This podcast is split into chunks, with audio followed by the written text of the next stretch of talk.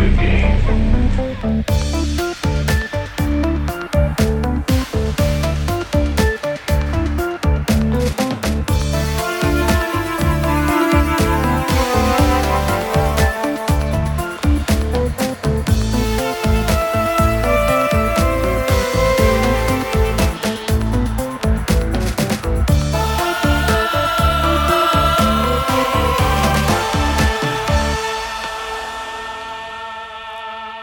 Lyssnar på skräckfilmspodcasten Vacancy avsnitt 212 med mig Erik Nyström.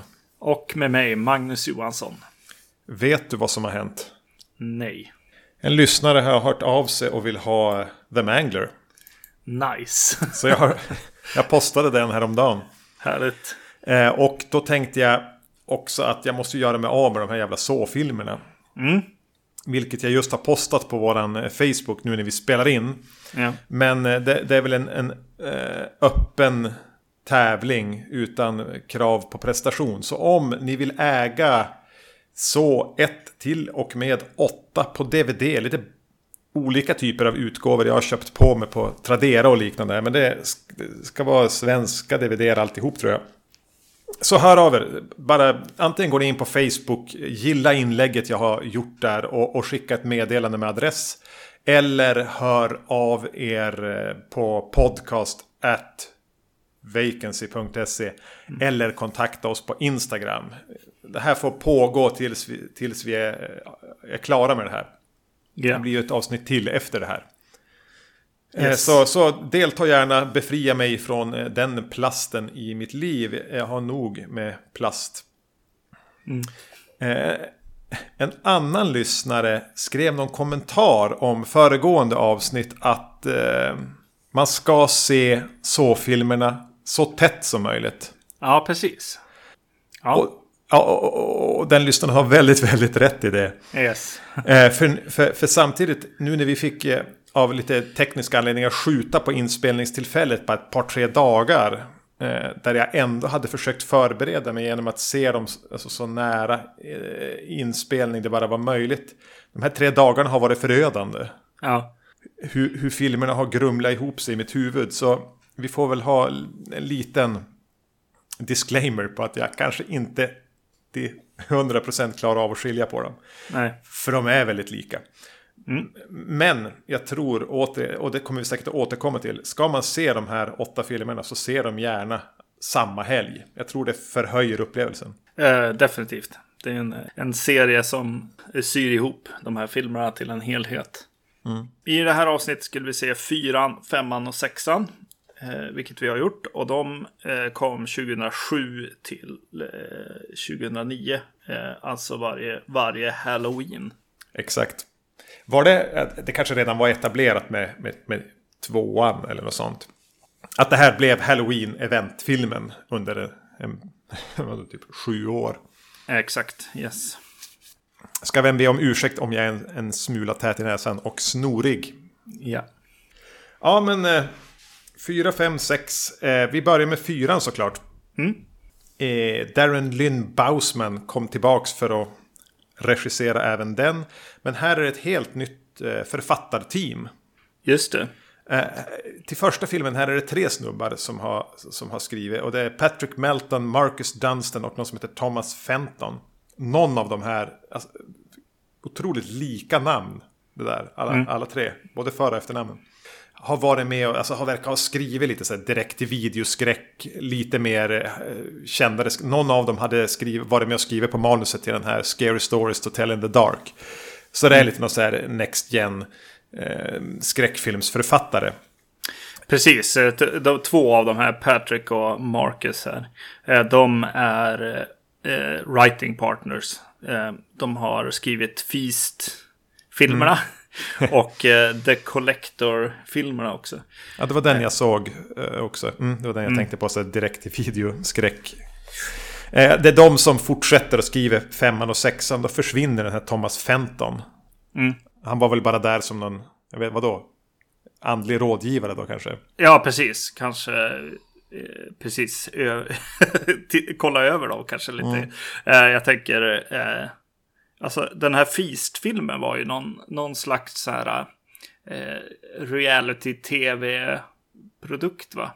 Ja, eh, precis. Vinnaren fick göra sin egen skräckfilm. Ja, nu vet jag inte om, om manusförfattare var med i den. Det tror jag inte. Det var nog regissörer liksom.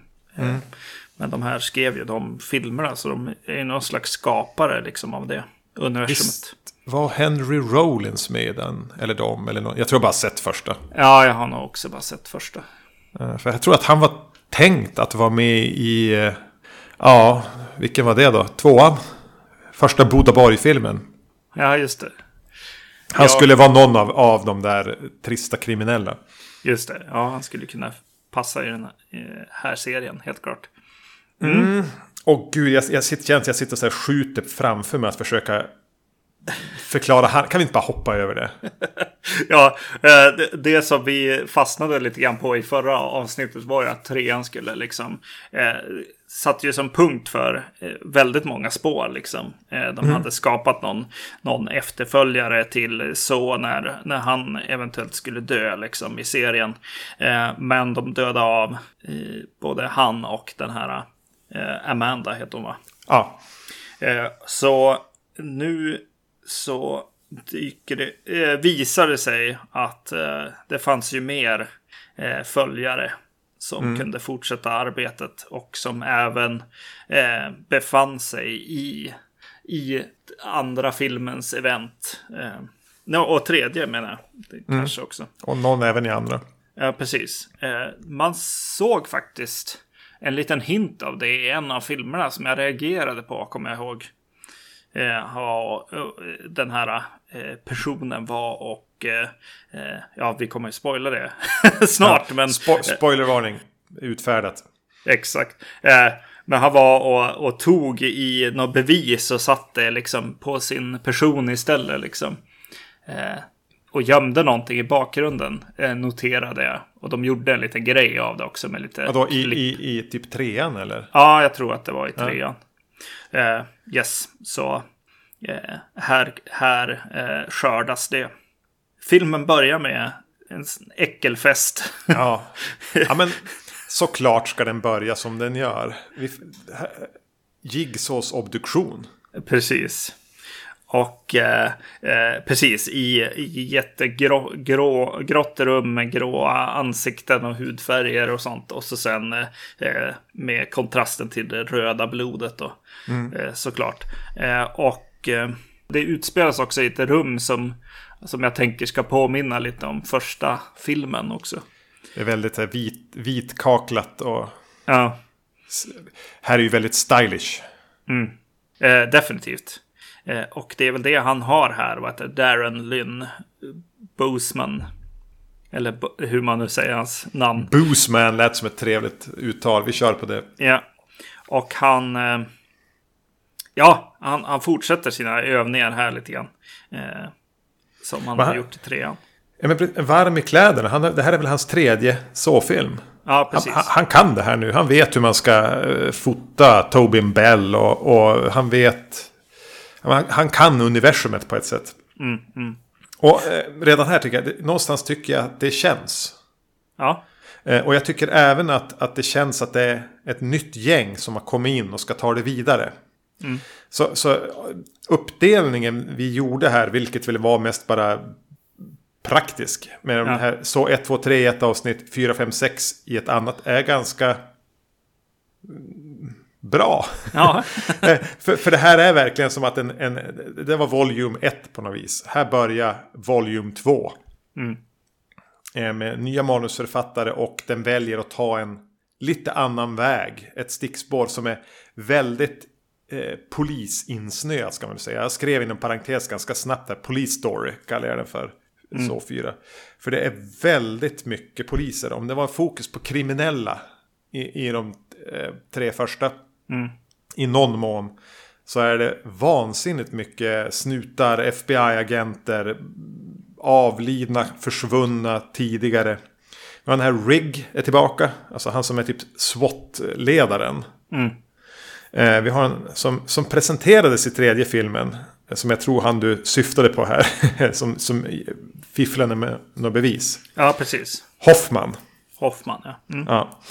Och sen kommer det in två FBI-agenter. Strom, som är förvirrande lik Hoffman. Ja. Utseendemässigt. Dåligt castingval. Han har en kollega som heter Perez.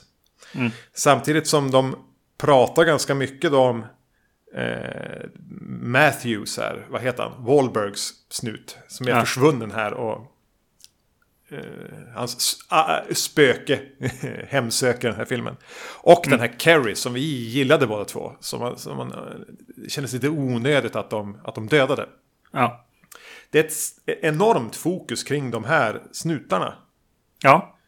Som, som mm, jagar vidare eh, genom stan. Det, det handlar väl egentligen om att den här gången är det Rigg som ska testas. Mm. Och, och ska han kunna rädda Matthews som kanske inte är död. Alltså Donny Wahlberg. Donny Wahlberg. Jag måste alltid tänka efter om det är Donny eller Mark. Ja, just det. Så det, det, det, det, det är poliskaraktärer som sträcker sig ett par filmer bakåt. Det är lite flashbacks i flashbacks och saker som vi har sett tidigare är inte som de borde. Och fällor och lite äckel. Yes, det är filmen. ja, jag, ty jag tycker det är lite, ja, det är lite fyndigt att han har svalt ett band, tycker jag är kul. och att, att bandspelaren kommer tillbaka på något sätt. Det, det kändes som den var lite borta där i tredje filmen, eller? Eh, ja, det var det är ett element av, av Jigsaw-pusslet här. Eh, och eh, det är kul att han sväljer ett band innan han dör. Jigsaw. Och även att han, han som gjuter in det i stearin. Ja, just det. Det var en eh, kul detalj. Ja. Eh, ja, alltså det är ju lite kul. Alltså det är ju just det här att det är en följetong här. Och jag tycker att det är lite roligt att de... Alltså det är ju massa eh, low rent skådisar med i de här filmerna. Men det är kul att de återkommer också. Eh, det, det är något jag gillar nu när jag ser dem så här eh, i följd liksom. Ja, relativt tätt ändå har vi ju sett dem att, att eh, ja, men, det hade varit så enkelt. Jag menar Rigg här. Han är väl med i, han kanske inte är med i första. Nej, tvåan, trean är han med i. Tvåan, trean eh, och, och fyran här. Eh, Att det, det är som bara en glorifierad statist. Och samma sak då hur de använder den här Hoffman som är med typ i bara några klipp i förra filmen. Som jag minns det, han kanske är mer. mer som också känns som en eh, vad heter stand-in eller någonting.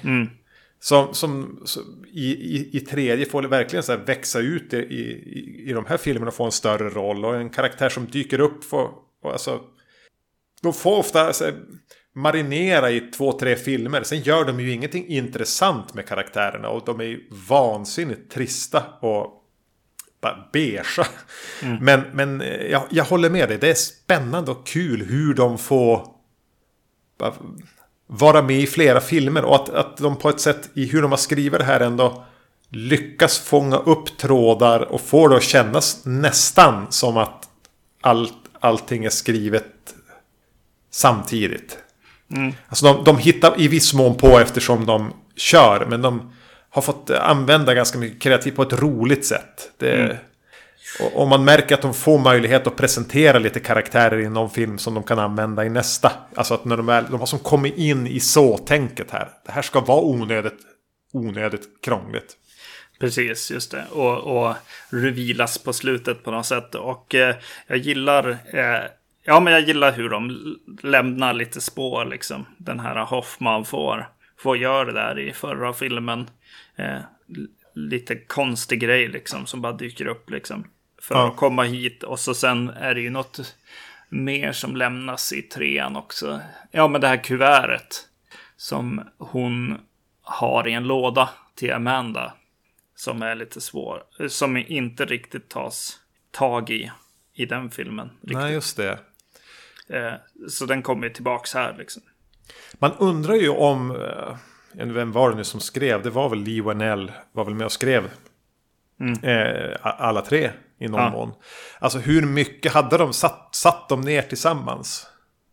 Eller fick de här nya, ja men titta bara på filmen och så. Ni, ni kommer att se där vi hade lämnat öppningarna. Kör. Ja, precis. Eller finns det en sån här mas- ma- masterplan? Ja. Ja, jag vet inte. det är en bra fråga. Yes. Eh, det är lite roligt. eh, Min eh, dotter och fru sitter och ser Gi- Gilmore Girls här eh, på dagarna. Och en av karaktärerna i, i så 4 här är den här FBI-agenten eller vad han är. är Stram. Ja, han är med i, i Gilmore Girls. Äger ett café där. Är med i dem. Och det känns lite som att det är klart han är med här i så filmen. Vid, vid rätt tillfälle liksom. Karriären på något sätt. När han ska dyka upp här. Det var det man, man eh, tog examen till från, från Gilmore Girls. Det var så. Ja, precis. Yes. Känner du igen några skådisar här? Alltså den här Hoffman till exempel.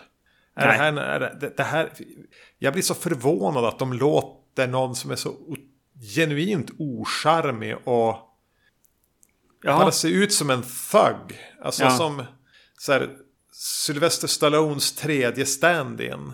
Precis. Få en så pass viktig roll. Ja, det är lite konstigt. För att både Jigsaw och Amanda har ju liksom lite karaktär liksom. Eh, men inte, inte han här, nej. Det här verkligen var en sån här cardboard cutout i kostym. Det är som att Kane Hodders Jason var nu. Har blivit liksom Jigsaw nu. Ja. Eh, fast utan våldet, I guess. Det är lite som Arnold när han spelar den där, vad heter den då? Raw Deal eller vad den heter. Ja, just det. Arnold i kostym liksom, det blir konstigt. För man... Ja, jag bara som funderar, är det avsiktligt att de har som valt att kasta någon som är så tom och blank? Eh, men vad är då tanken med det? Det är ju inte så att det blir den här karaktären som... som alltså, väljer man att göra den castingen i en film med en tanke så är det ju för att jag som tittare lätt ska kunna projicera mig själv i den. Men det ju, tror jag ju inte eh, de vill att man ska göra här. Va? Eller? Nej, exakt. Och så, alltså precis, och i så, så första så-filmen har de ju en, en karaktär där som måste liksom hjälpa Jigsaw där. Också mycket mer liksom intressant. Så det är, det är rätt konstigt alltså. Att de väljer den här. Och även såg de inte att de castade två skådisar som såg exakt likadana ut? Alltså Exakt. den ena ser ut som en storebror. Ja. Ja, jag fattar ingenting. det var väldigt konstigt. Jag har inte skrivit upp casting på de här filmerna. Men eh, Nej. de, de finns någonting. Det, vi kanske får det förklarat i Jigsaw-filmen som kommer sist här. Ja, eh, det presenteras ju en till karaktär också. Som väl är liksom det som fördjupar eh, John Kramer här. Alltså Jigsaw. Det kommer in en exfru. Som eh, eh, han tydligen har. Eh, som kan eh, ha lite del i flashbacks och liksom förklarar John Kramers eh, motivationer lite grann. Visst presenterades även hon i, i trean i, när, när han höll på att dö där när hon opererade hans tumör. Alltså han började få så här ljuva eh, minnen av livet i revy. Att de gick och gulla i Central Park eller någonting. Ja, så var det ja. Mm, Jag vet inte om det är samma skådis men, mm, Just det. men att han hade någon slags kvinna i sitt liv presenterades redan i förra filmen. Så förmodligen var det hon. De jobbar ju så. Jo, exakt. Jo. Jo, när det bara är en, ett år liksom till nästa release, då, då går det ju att göra sån. Återigen en, en otroligt trist skådis. Ja, precis. Eh, Det enda hon hade var väl att hon var lite, lite svår att förstå. Alltså hon är, har lite så här kyligt utseende. Ja. Eh, Så någonting med looken funkar ju liksom. Men eh, det var väldigt svårt att rikt, liks- riktigt avgöra vem, vem hon var. Och det var väl kanske meningen i just den här filmen. Att man inte riktigt skulle förstå och om hon var en red herring eller inte. Och så där. Det, jag känns som jag bara hakar upp mig på casting hela tiden nu. Men det känns som att de så här, konsekvent, kanske med undantag för han eh, Lee Wanell. så är det omöjligt att identifiera sig med någon karaktär. De har nästan inget... Alltså de känns inte vardagliga. Nej. Det känns, känns inte som någon man har träffat på i sitt liv. Alltså alla karaktärer känns antingen som, lite grann som porrskådisar och lite grann som alltså så här, superrika, lite plastikopererade gymdårar med pengar och kokain. Och så får de gå in och loss, lajva snutar, prostituerade, kriminella. Lite den vibben får jag. Det är något som känns så otroligt off och distanserat med hur alla karaktärer känns. Även då den här exfrun till, till eh, Jigsaw. Ja, precis. Och senare dyker det ju upp också en, någon eh, advokat, va? Som är den tredje av de här eh, mörkhåriga männen, vita männen. eh, som ser likadana ut. Eh, som också är, är med i den här leken som, som eh, Jigsaw har igång här. Det är jäkligt tråkig casting, helt klart. Och blir lite svårt att hänga med på vem som är vem nu igen. Eh, liksom. Bara, Det slår mig nu ändå. Handlar det här om att... För vem sticker ut i de här fyra filmerna hittills? Men det är ju Tobin Bell som Jigsaw. Ja, Han är ju den som, trots att han... De får svårare och svårare att hålla ihop hans agenda och motiv och sånt där. Överlägset bästa skådis. Han är, han, är, han är bra. Han går in för det här. Jag tycker han gör det bra. Och han är den som får en... Nästan en mänsklighet. Han är den som känns mest empatisk. Eh, d- De andra karaktärerna är antingen rövhögar. Eh, Eller så står de, eller besatta av någonting. Eller så skriker de bara no, no, no, no. Aj, aj, aj, aj. You fucker, you fucker. Och så dör de. ja. Eh, det, det, han, det är ganska tacksamt för Tobin Bell och, och, och, som ju är en karaktärsskådis av eh, någon slags kvalitet att jobba i den här filmen. Jo. Men stoppa mig från att prata mer om casting och, och, och roller och sånt där nu. nu. Nu är jag färdig där, nu måste jag vara klar där. Exakt. Ja, alltså jag har inte så mycket. Det känns som att det är mycket, mycket setup och mycket så här eh, köra igång så igen lite grann i den här filmen. Och även så här försöka presentera den här nya eh, Jigsaw-karaktären. Ja, det hände inte så himla himla mycket minnesvärt. För, eh, och, och när jag, det jag skriver ner är mer så här, eh, det känns som att filmen för regissören handlar mest om att göra balla övergångar mellan scener. Ja, just det, det är den här ja. Som är så här in camera. Alltså jag tror inte det. Alltså, det känns nästan som de har byggt så här sets. Och så kan de göra en panorering så är de i en flashback. Ja, det ser lite så ut, ja precis i alla fall. Men eh, ja, eh, och, och folk som så här, och flyger genom ett fönster och hamnar i en annan eh, tid och rum liksom. Eh, och även bara, bara helt vanliga liksom. Och någon gick förbi kameran och så var vi i, i en eh, gammal källare någonstans igen. Eh, sådana grejer. Eller, ja just det, det är någon som tappar något på golvet typ. Och så sen går fötter förbi och så panorerar de upp och så är de på något sjukhus eller något sånt där. Det var liksom de man, man satt och tittade på lite grann. Och det enda, det enda så här så liksom eh, skräcken eller äcklet som jag har skrivit upp som jag tyckte var otäckt eller otrevligt heter det kanske. Eh, det är den här mannen som måste luta sig fram med ansiktet genom några knivar. Som är, är som en, eh, vad kan det vara, åtta knivar eller någonting framför, eh, köksknivar framför ansiktet med så här fjäd, eh, fjädrar typ. Så man måste fram och eh, eh, kom, ta, sig, ta ansiktet ut ur de där. Eh, pressa dem åt sidan liksom.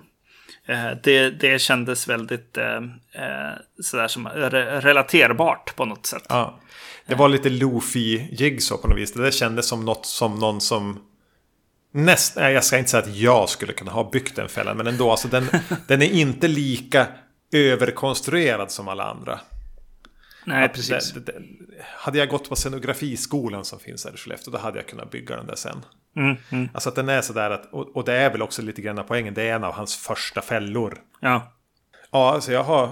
Jag sticker ut hakan lite grann och säger att just den här balansen mellan de olika historierna här. Det är ju alltid någon massa flashbacks och eh, någon som är i något läge med Jigsaw eller så, någon som är i ett annat. Att, jag haft svårt med hur de haltar i de tidigare filmerna. Just det. Tvåan kanske värst. Första filmen är också otroligt fumligt. Här tycker jag de gifter sig rätt bra.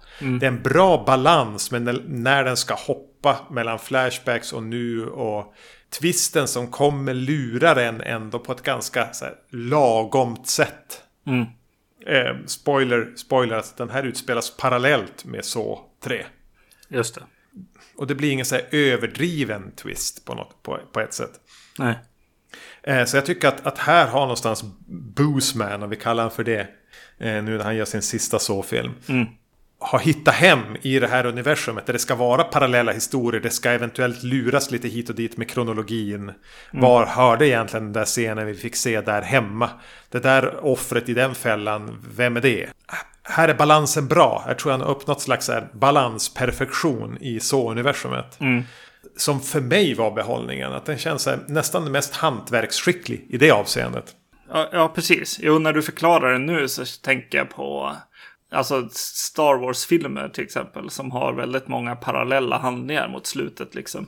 Eh, det, det är en bra, bra mix av det. Jo. Ja, fast eh, som sagt, man hade ju helst velat se någonting som blev mer eh, spännande. Alltså rent de här, alla de här träiga brunhåriga männen där som Ja. blir lite tråkigt liksom. Eh, Den här typen av snut vet jag inte riktigt om jag vill ha i så universumet. Den här detektiverna som är liksom mer FBI-torra liksom. Eh, vilket även snutarna får bli liksom här, förutom kanske eh, Riggs här. Han sticker ju ut li lite, lite grann, men kanske mest för att det är en mörkhyad skådis. Ja, I slutet också så sitter... Vem är det som bara skriker Who's coming through the door? Det är någon av karaktärerna. Jag är helt besatt. Vem är det som är på väg dit och på väg in genom en dörr? ja, Jag förstod aldrig varför det blev så jävla viktigt. Jag satt bara och tänkte... Va, va? Alltså att de mer ropar det att vi ska tänka det, eller vad vad är... ja exakt. Jo, jag hade lite svårt för att eh, liksom bry mig i den stunden lite grann. Eh, Ja, det är ju två karaktärer som man egentligen... Alltså, alltså, om den där fällan på något sätt kan få båda och det skulle jag vara rätt okej med det. ja. ja. Eh, jag tycker att eh, de, har skrivit, eh, de har skrivit in ett roligt, här, det är någon som säger också, vad heter han, eh, Donny Wahlberg står på, på en, ett stycke is hela tiden eh, i filmen när han dyker upp som håller på att smälta. Så han blir hängd typ.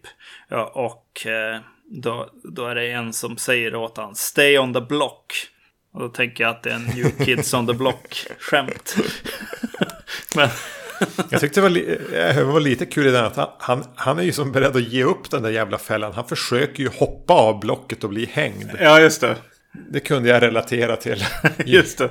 i sammanhanget. Jag inte orkar stå här och vänta på att dö. Nej, Låt mig dö nu då. Ja, jag är precis. less.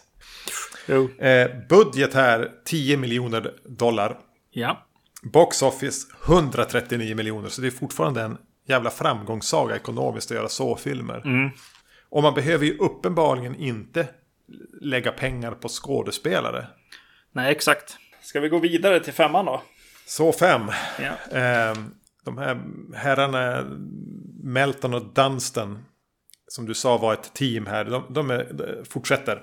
Ja. Och man vet alltid att en, en filmserie är på rätt väg när production designen från de tre eller fyra föregående, äh, tvåan till fyran får ta över regirodret. Då vet man att man är på väg in i guldstandard. Exakt, exakt. David, och, och så att han heter Hackle.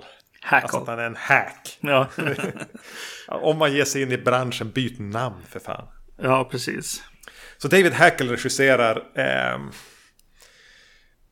oh, nu kämpar jag återigen med, med att... Vi får bara resonera oss in i vad den här handlar om. Jag kommer inte att kunna återge det. nej, just det. Ja, nej, men de, de eh, går väl vidare in i den här nya Jigsaw och eh, kollar lite grann vad som, eh, eh, som får igång honom. Ja, just det. Det är den här som började med The Pit and the Pendulum, va?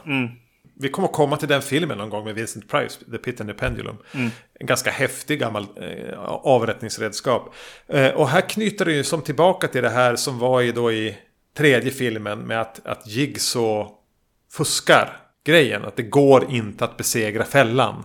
Nej. Eh, och nu blir man ju så lite osäker. För jag, jag tänkte att det var Amanda som låg bakom det. Men det är alltså den här Hoffman som var fus fuskaren i, i Jigsaw. Ja, just det. Mm. Som vill ha... Okej, det här visar sig att det här var något han gjorde innan han blev rekryterad. Precis. Yes. Men det fortsätter ju sen också. Eh, ja, Jag läste ju att David Hackle här var den som gjorde den här filmen och production designer och så. Eh, och det känns som att han vill visa eh, så såigt så som bara går här i början. Eh, känns det som. Och sen så eh, verkar han ha anlitat ett effektsteam som eh, kan göra grejen. Helt klart. Den här Pit and the Pendulum effekterna är ju jäkligt snygga alltså. Ja Och väldigt de. mycket, mycket liksom eh, Tom Savini när han var som, som bäst höll jag på att säga. Eh, att, att eh, det hela tiden känns som att det händer en person liksom.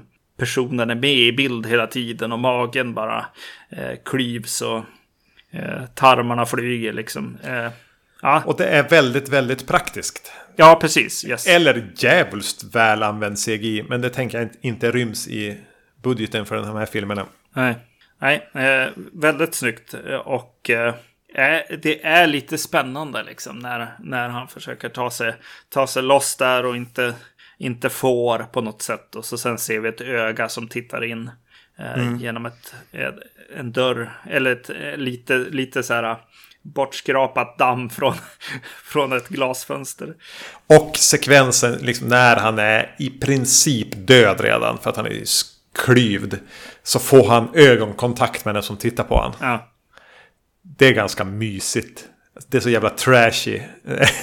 Trash-skräcket att, att jag eh, sk- skrockade för mig själv i, i soffan. Ja. Ja, precis. Det börjar kännas också som att Jigsaws, den här, den här sista schemen, sista leken som man skulle göra, eh, är eh, otroligt invecklad. Det är väldigt storslaget. Eh, För det, det bara fortsätter med saker som levereras till folk och som liksom eh, ska göras. Och eh, hela den här nya Jigsaw, Hoffmans liksom inblandning i dagen också liksom. Mm, mycket grejer alltså. Och den fortsätter ju här bara också. Eh, för det är väl Jigsaw som ändå för handlingen framåt på något sätt. Eh, fortfarande. Alltså John Kramer här. Ja, på något sätt så är han med och alltså, styr. Och här börjar man ana att han är lite småaktig. För här verkar han ha gett sig på några som har varit inblandade i någon bostadsaffär. Mm. Alltså jag förstår inte riktigt hur han prioriterar. Men här är det någonting som han på något sätt fått veta. Någon bostadsetableringsfiffel. Ja. Som är som hans, de han är ute efter. Mm. Eh, och, alltså som att han själv hade intressen i det och bara var... Jag, men det är som att jag skulle ge mig på dagstidningen som bara var som levererade tidningen för sent hela tiden. Mm. Och då gör jag det genom att påpeka, eh, ge mig på tidningspojken, mellanchefen, ägarna och den cyniska artikelförfattaren. Mm. Lite slumpmässigt. Alltså det så, jag vet inte. Men, men det är svårt att skriva in nya idéer som ska kännas som det hela tiden knyter tillbaka till, till John Kramer och som hela tiden på något sätt knyter an till att han ska lära alla en läxa. Mm. Det där får de väldigt svårt att, att man ska se en röd tråd i Jigsaws galenskap. Ja. Utan det som du sa tidigt, han är ju bara en, en seriemördare. ja, exakt. Yes. Absolut. Men vi, vi får eh, Bodaborg-elementet igen här. Ja, precis. Ett gäng som vaknar upp i ett rum eh, och eh, har liksom eh, sto- jättestora blad bakom, bakom huvudena. Och alla är ihopkopplade med, en, med ett rep. Eller lina av något slag. Och eh, framför varje, eh, varje person så är det en liten låda med en nyckel i. Som öppnar deras liksom eh, hals liksom. Ja, där de sitter fast i, i kedjan liksom. Eh, Och eh, då ska de eh, reda ut vilka de är och varför de är där och sådär. Och här, en, en grej som jag tänker på är att så här, så Jigsaw höll igång. Han var lite halvkänd sådär. Eh, och blev väl mer känd nu, liksom, för någon dag sedan. Eller vad det nu kan vara i, i tids... Kronologin här. Ja, precis. Eh, Men, men när de eh, liksom vaknar där så vet de precis vad de är med om. De bara, ja ah, det är Jigsaw liksom. Så jävla stor blir väl kanske inte en seriemördare att alla liksom bara, jaha, okej. så här Så här ligger Willy Wonka-grejen på något vis. Ja, Alla vet vem man är och jag fick den gyllene biljetten den här gången. mm, precis. Det här är ett roligare gäng än förra gången vi skulle in med, med, med de här kriminella slurvarna i, i tvåan. Visst är de här lite skojigare? Exakt, just det. Så är det. Eh, för jag, jag, jag, eh, jag känner typ halv igen de här eh, skådespelarna. Några av dem i alla fall. Liksom. Man har sett dem i någonting. Liksom.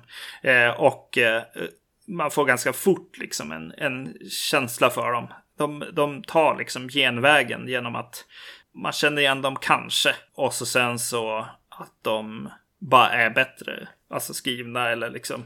Eh, det finns något slags go i liv i dem. Och det är tydligare schabloner på något vis. Mm, mm. Och, och det här gänget är ju liksom beredda på att vara med i, i en jigsaw-grej. Det, det är inte Ja, men det här är ju några som inte bara vaknar upp inne på Bodaborg. Det här är några som har peppat i en vecka på att fara dit på den här kickoffen. Exakt. Jo, det är väldigt mycket bara. Ja, men nu gör vi så här. Bara, ja, skit i er och eh, jag ska överleva och så vidare.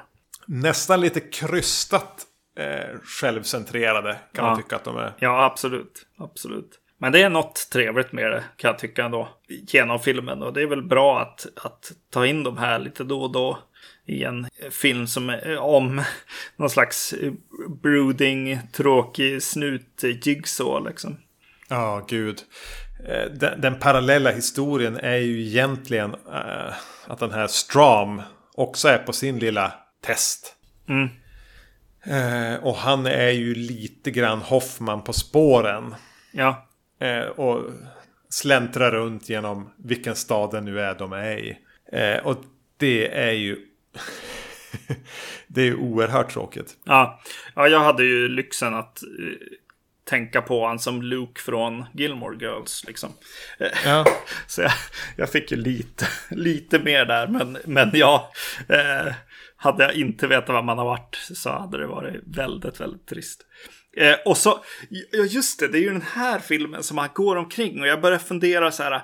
Är han på platserna där eh, mord be, begicks, alltså där Jigsaw har eh, verkat? Eller sitter han någonstans och så här läser case files och Ja, tänker det. sig Mm. in i de här platserna? Eh, jag, jag, jag blir inte riktigt klok på det. För Jag att, hoppas att det är det senare. ja, eller hur?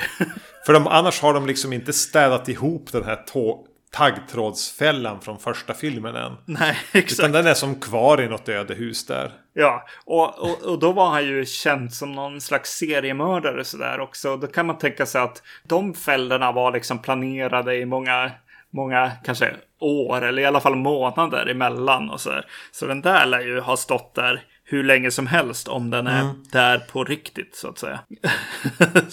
så jag hoppas lite grann att han sitter och läser någonstans. Ja, okej. Ja, Jag tänker att jag tror att du är snäll med filmen här. Ja, jo, jag vet. Men visst, jag köper det. Vi är snälla. Ja. Men alltså, eh, här är ju själva regin eller fotoarbetet och sånt är ju lite, lite tristare liksom. Det är mindre. Ja, det är risigt, risigt foto här alltså. Ja. Riktigt. Jag vet att det, filmen börjar med en lite halvlångsam inåkning mot en dörr. Det är någon skylt på och där inne visar sig den här Pit and Pendulum-grejen vara. Mm. Och jag var inte säker på om jag tittade på filmen eller om det, jag skulle zooma, för det är någon gul skylt på dörren. Att det skulle vara så här ett produktionsbolag, att det var en produktionsbolagslogga jag tittar på. Eh, och, och det är lite, det känns nästan lite tv-film över, över det muggiga fotot och så alla trötta poliser som släntrar runt. Det är lite hur jag upplever de senare Friday the 13th filmerna. När det inte finns någon riktigt skärpa i, i det visuella, alltså i det cinematiska lågbudgettänket. Utan att det är lite lagens änglar över det. Ja. Ja, det är helt klart eh, mindre, det är mindre shaky cams och övergångar här. Det är en annan regissör helt klart. Och eh, mer liksom vanlig ficklampetriller på något sätt. Mm. Ja, skulle du klippa bort den här första Pitten i Pendulum-grejen och tona ner Bodaborg-äventyren lite grann så är det ju en, en, en tv-thriller. Precis. Eh, eh, tona ner säger du, ja precis. Exakt. För det är ju det som, som eh, den här regissören kommer med. Det är ju mer extrema effekter som man, man får hänga med på väldigt mycket. Det är någon som sågar i, i händer och armar och grejer. Eh, eh, som känns otrevligt. Såg. ja, det är kul. Måste påminna sig då och då om vad filmserien heter. Exakt. Men när det, när det väl börjar koka ihop här mot, mot eh, sista tre, eh, tredjedelen när vi verkligen ska presenteras för Hoffmans roll i det hela.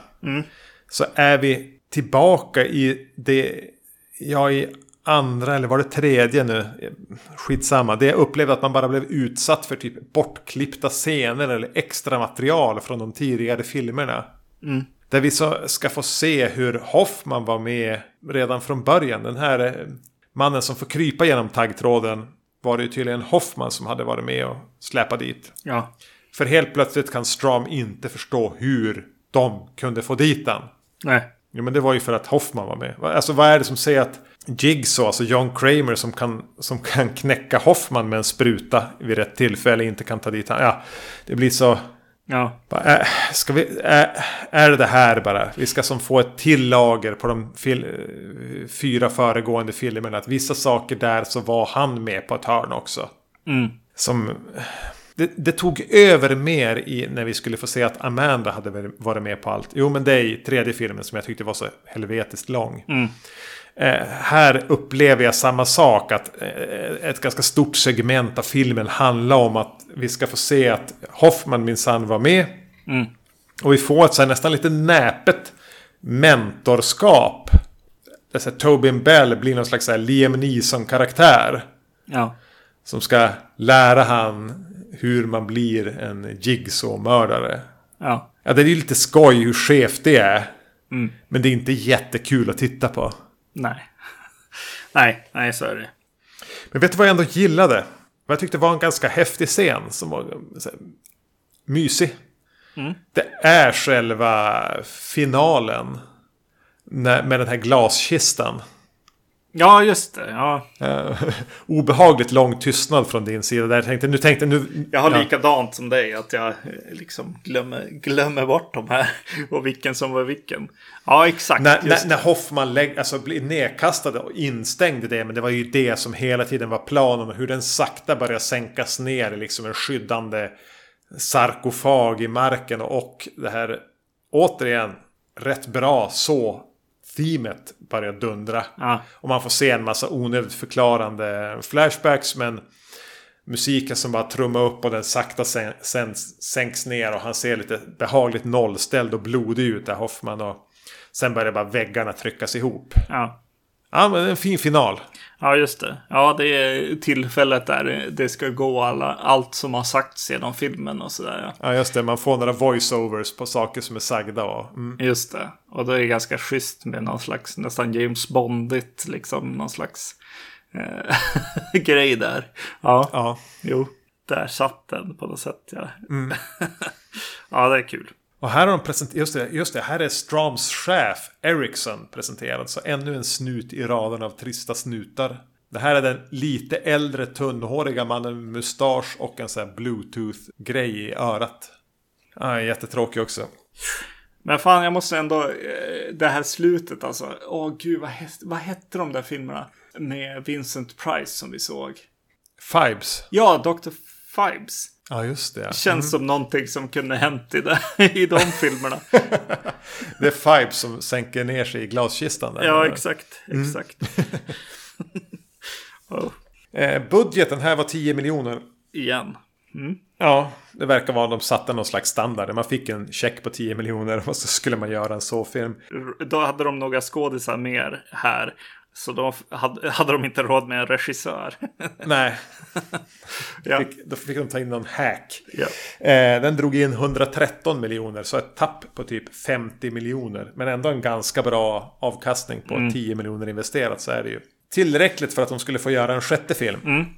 Så sex. Alltså det som är spännande med de här är att ingen har någon... Eh, hittills någon tag. Alltså det är inte så att det... Fine, eh, jo, den kommer. Final Chapter, det kommer i nästa avsnitt. Ja.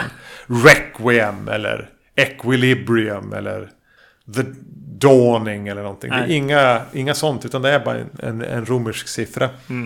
Ja, det är rätt nice.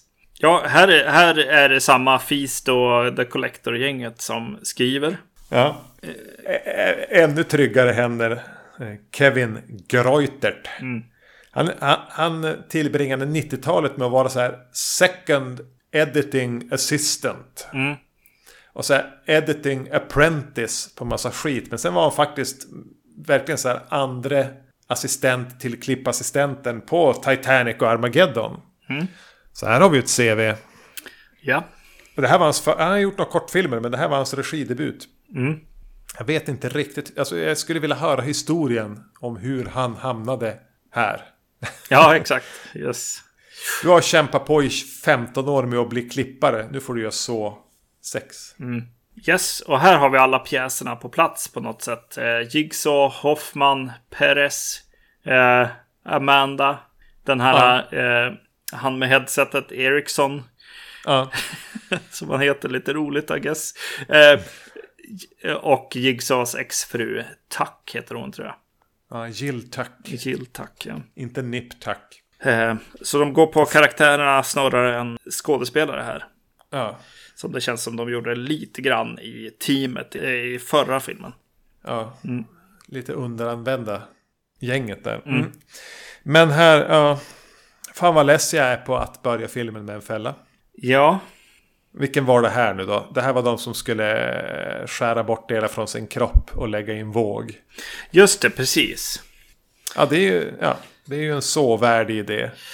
Ja, exakt. Och även rätt mycket i linje med eh, hans tankar på något sätt ändå. Men det är fortfarande en av dem som kommer därifrån. Den andra kommer att dö där. Ja, vad är logiken i det då? Och det förstår inte jag riktigt. det, är, det är något jag har suttit eh, när jag har sett alla de här filmerna och bara. Alltså varför eh, finns det fällor ibland där någon måste välja vem som ska dö och sånt där? Det, är- det är väldigt underligt för mig. Och varför finns det fällor som är tävlingar mot någon annan? Precis, och att, att ibland så måste någon liksom så här, ja, du har sex stycken här, två får du överleva. Välj. Det är ju ändå att döda folk, va? Ja. Måste jag nog säga. det är åtminstone fyra av de där som Jigsaw tar död på. Ja, ja. Men som jag har varit inne på redan från början, det finns ingen, ingen röd tråd. Det finns ingen, ingen greppbar filosofi här, utan det här är ju bara en, Nej, han är galning. en, en galning som ibland eh, undas att bli lite småaktig. Ja, exakt. Och det är han ju här också. Här är han ju ute efter vendetta. Eh, ja, precis. Men eh, på ett sätt så känns ju det här mer som Jigsaw på det sättet på något sätt. Att han var sur på den här, liksom sin läkare där i första filmen. Och bara, han ska fan få. Jo, jo, det är ju mer rimligt än att han läste någon artikel i, i, om det här bostadsetableringen där det var massa skumraskaffärer. Och bestämde sig för att de Ja, exakt. Eh, och, och det här, här är mer bara bevis på att han är en snurrig gubbe som försöker hävda att ja, men jag har bevis på att det fungerar. En person, det är ett bevis. Ja, Typ, jag tror det är Amanda han här leder till då. Jag knö, knödde in hon i den här fällan och då hade jag ingen aning. Hon på något sätt lyckades klara ta sig ur den. Och hon var ju botad, vilket hon inte alls var. Nej. Hon mådde ju röv. Eh, men det ser han som ett bevis på att det fungerar. Ja. Och eftersom min, hans dåligt så här, underbyggda tes enligt honom fungerar. Så ger han sig på massor med enskilda individer. Inte på ett system. För här är det ju typ försäkringsbolag han ger sig på. De som inte ville låta honom få pengar till någon experimentell behandling. Så, så han menar att ja, men det, därför var det de som lät mig dö i cancer. Så då tänker han att de personerna som jobbar inom systemet enskilt är ansvariga för hur det ser ut. Inte systemet i sig. Nej. Att de bara jobbar i det. Utan nej, det är de som personer. Så han är ju liksom... Alltså inte bara en snurrig, småaktig psykopat. Han är ju lite... Alltså han är ju dum också. Ja, Han kan ju inte se, han kan ju inte se en större bild. Vilket även om man vill ge sken av det. nej exakt. Och det, det går väl i linje med att han är en seriemördare på något sätt också. Eller att den där hjärntumören var värre än vad han själv var medveten om. Precis, jo. Mm. Alltså, det här är fult alltså. Den här filmen ser ut som skit. Eh, Den är väldigt fult ljus, ljussatt. Eh, det finns inga riktiga så här, platser som man får vara på. Eh, kontor med jätte så här, tunna väggar som inte känns som att de skulle hålla för att andas på. Och ibland finns det inte ens ett, ett rum liksom. Ibland är det bara mörker bakom eh, karaktärer som är, är med om, om de här eh, fällorna.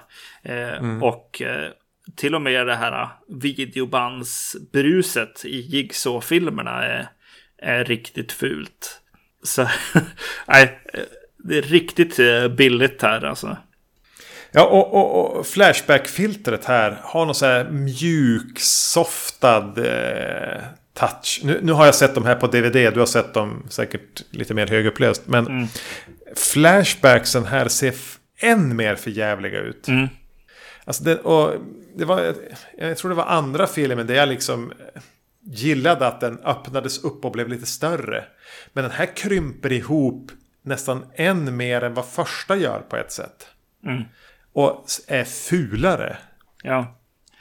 Nej, det är riktigt illa. Mm. Och en, en fråga då. Har, vi har ju lärt oss lite reglerna här med bandspelaren, med bandet.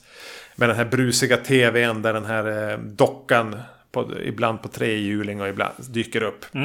Här får den här försäkringsbolagssnubben också se de här videobanden som startar vid, vid olika till, till, tillfällen. Men där är Jigsaw själv som sitter där. Japp. Vem hade tappat bort dockan? Ja, precis.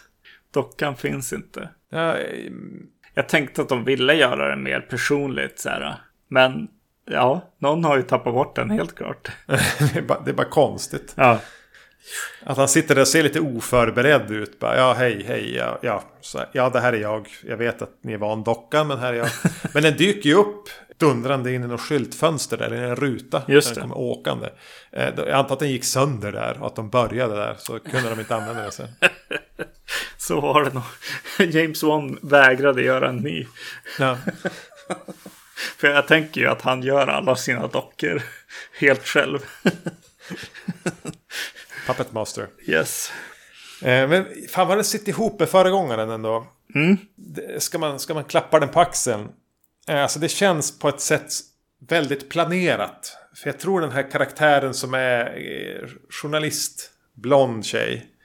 Hon, hon är med, också med bara i här, små glimtar i föregångaren. Eller om det till och med är, är fyran. Men hon är presenterad redan. Hon har inga repliker hon bara är med. Och här, här skördar de det. Och det är lite trevligt det här med att, att de kan så en karaktär i en film och skörda den i nästa. Undrar om det är sådana eh, frön som, som de aldrig väljer att skörda som man därmed inte riktigt kom ihåg.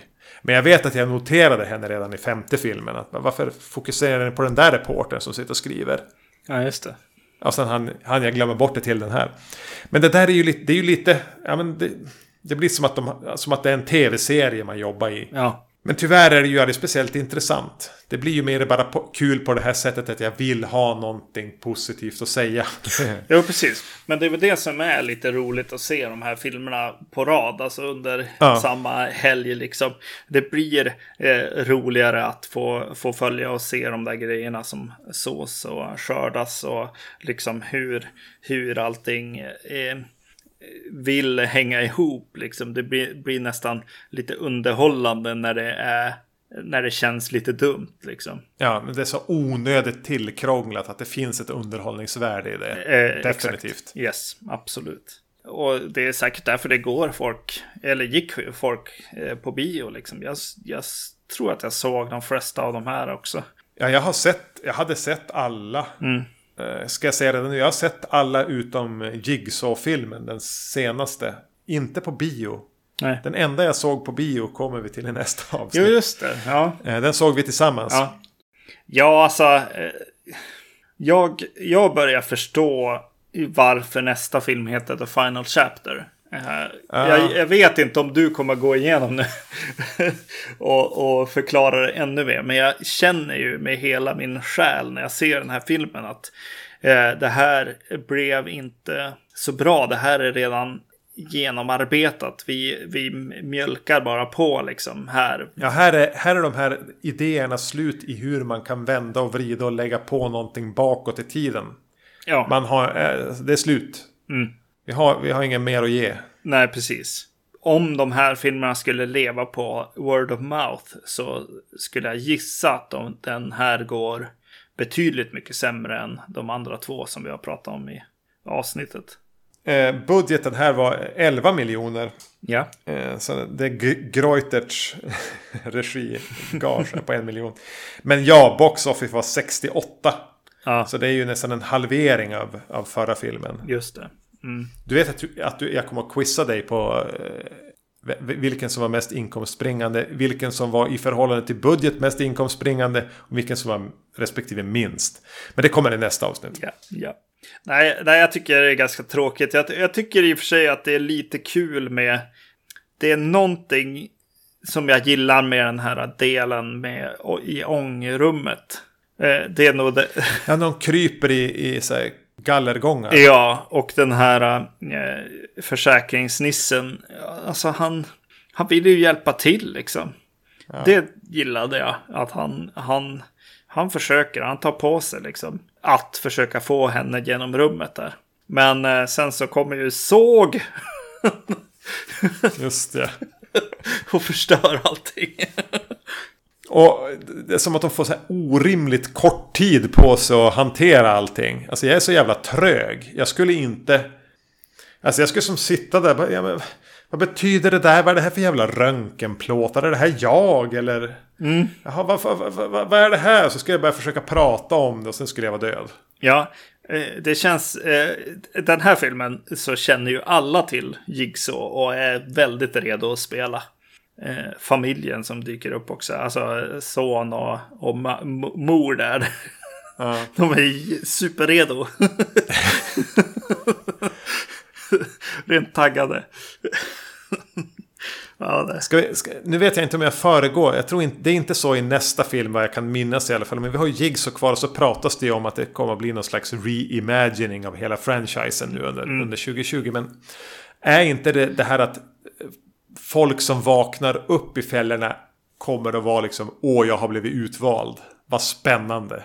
Ja, Jag är en av dem. Att de inte har prövat spela det här dokusåpa kändistörstande kortet. Mm. Men det här är liksom en för, för entonig värld för det. Ja. Ja, alltså det här är ju bara tv, alltså tv-serie, fil, fast på film. Och om man tänker på det som det, så, så eh, kan det här funka för en. Men då ska man vara i en sån här serie typ Stephen King Under the Dome-serien. Alltså på den nivån. Ja. Du får inte ha några, några förväntningar. Nej, exakt. Utan det ska vara alltså, tredje, tredje rankade. Ja, Det, det som var trist med den här, för jag mindes att jag hade sett fyran, femman, sexan. Jag kunde inte skilja på dem. Jag mindes att det dök upp den här Hoffman-karaktären på något sätt. Ja. Och i mitt huvud så gjorde han en typ slasher-mördarmassaker på en polisstation. Ja. Eh, alltså att han gick nästan rakt igenom den och bara sköt ner folk och ströp och knäckte nackar och sånt. Ja. Det hände aldrig riktigt. Nej, inte riktigt, men... Men en liten sån sekvens. Och eh, för mig är ju den sekvensen höjdpunkten. Det han hugger ihjäl en med en kniv. Ja. Som är ganska otäckt. Mm. Eh, Lite av den här, ja men det är nog sådär att hugga ihjäl någon med en kniv. Man måste komma nära, man måste hugga flera gånger och det, ja. ja, exakt. Att den scenen är lite stökig och, och kaosig på ett sätt där ingen, han har lite tur som egentligen tar sig igenom den. Mm. Men det var inte den massaker jag mindes. Då, hade det, så skulle han ha haft ihjäl fem till Just det. på väg ut. Men var jag har fått det ifrån, ingen aning. Det hade ju varit trevligt alltså. Den hade behövt det va? Ja, yes. Ja, nej men vi får se. Eh, I nästa avsnitt ska vi ju se sjuan då. The Final Chapter. Och så Jigsaw. Och Jigsaw ser man ju lite fram emot. Eller jag gör ju det eftersom att jag inte har sett den. Och vad fan kan den vara för någonting? Ja, alltså det var ju som en comeback. Ja, Så här, åtta år senare eller någonting. Ja, och så ska de göra om den. Som jag har förstått det. Så det är ja någon som det, jobbar jag, med jag, jag tror att det är på gång. Ja. Samuel L. Jackson ska vara med. Just det. Tänker du att han är Jigsaw då? Ja, det kanske han är. Eh, men, men just sådana så här, när man gör när man gör en reboot lite grann och så sen gör man en till två år senare. det kan ju inte vara dåligt. Ja, nej. eh, Det som känns skönt är att det bara är två filmer också. Inte, jag var lite inställd på att 4, 5, 6 skulle vara svåra att skilja på. Det var de. Det var extremt. Ett av de mest ansträngande avsnitten vi har spelat in här.